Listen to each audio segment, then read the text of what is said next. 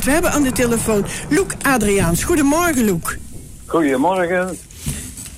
Ja, ik krijg inmiddels de koptelefoon aangereikt. Uh, wie is Loek Adriaans?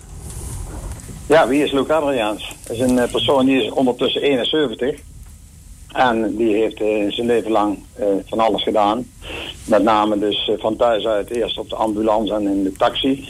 En in de uitvaartwereld meegeholpen. En vanaf 76 zelf de uitvaartonderneming geleid. Met daarnaast nog een drukkerij opgestart. En ja, dan ben je een beetje bezig erbij geweest, hè? Ja, inderdaad. En dan kom je ook met heel veel mensen in aanraking. Ja, zowel in goede als in slechte tijden. Want uh, je hebt natuurlijk, vroeger reed je dan ook wel eens een bruidsauto. Dat is tegenwoordig uh, helemaal veranderd. Maar in de ambulancewereld en in de begrafeniswereld, daar kom je nu natuurlijk ook hele vervelende zaken tegen. En dat is ook de reden dat, uh, dat ik dus in mijn boek de titel heb meegegeven van ik kan niet alles vertellen. Nee, maar het komt dan toch bij je binnen. Jawel, maar ik heb er ook nooit geen last van gehad hoor. Dus uh, zo, dat niet. Want anders dan kun je dat werk ook niet doen. En je moet het ook van, gewoon van je af kunnen zetten. En privé hebben ze er ook nooit, zeg maar, enige last van gehad. Nou, Loek, wat was de drive om er een boek van te maken? Nou, die had ik helemaal niet. Maar ik vertelde natuurlijk wel eens uit overlevering of uit eigen ervaring verhaaltjes uh, waar de mensen zeiden, oh joh, dat moet er opschrijven, want dat gaat dan verloren of zo. Ik zeg, daar heb ik helemaal geen zin in. Ik heb een hoop andere dingen waar ik mee, mee, bezig hou. Maar dat bleef maar gaan. En uiteindelijk ben ik dan toch maar gezwicht. En met name Frans Pennings is daar ook David aan. De schrijver van het boek. Want die zei, die zei ja man, dat moet er opschrijven, dan zal ik jou wel helpen. Ik zei, ja, want ik schrijf, ik schrijf zelf niet op. Ik, ik wil het wel vertellen. En toen hebben we dus twee jaar lang zo'n beetje maandelijks contact gehad. En dan nam, dan nam hij het op en dan werkte het uit. En dan keek ik of het klopte. En zo zijn we verder gegaan.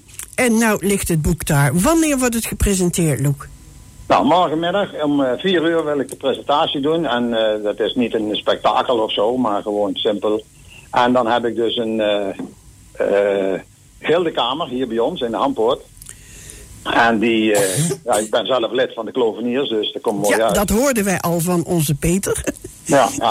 die is sinds kort ook lid, hè? Ja, inderdaad, want uh, hij heeft nog gezegd dat hij uh, binnenkort in vol ornaat naar de studio komt. Dus wij zijn heel benieuwd. Ja, ja. Maar even terug naar jouw boek. Uh, morgenmiddag om vier uur in de Hampoort. Ja.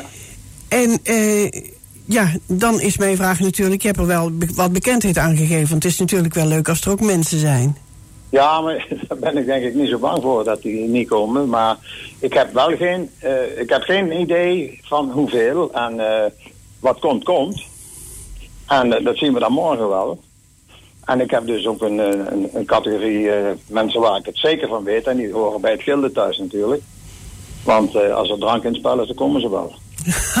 is er toevallig ook zuurkool Luc? Nee, nee, nee, nee, nee. We hebben maar één keer in het jaar uh, zuurkoolavond. En uh, dat is de derde zaterdag in november. Oh, wij hadden hem gisteravond thuis. Oké. Loek, mocht je ter zijn tijd een keertje naar de studio willen komen met jouw boek... dan kunnen we nog verder over kletsen. Maar in ieder geval, morgen om vier uur bij de Hampoort wordt het gepresenteerd. Ik wens jou een hele fijne middag en ja, natuurlijk succes met het boek. Ja, dankjewel en bedankt voor de belangstelling. Fijne dag. Oké, okay. Nooit ver weg. Dichterbij dan je denkt. Omroep Land van Kuik.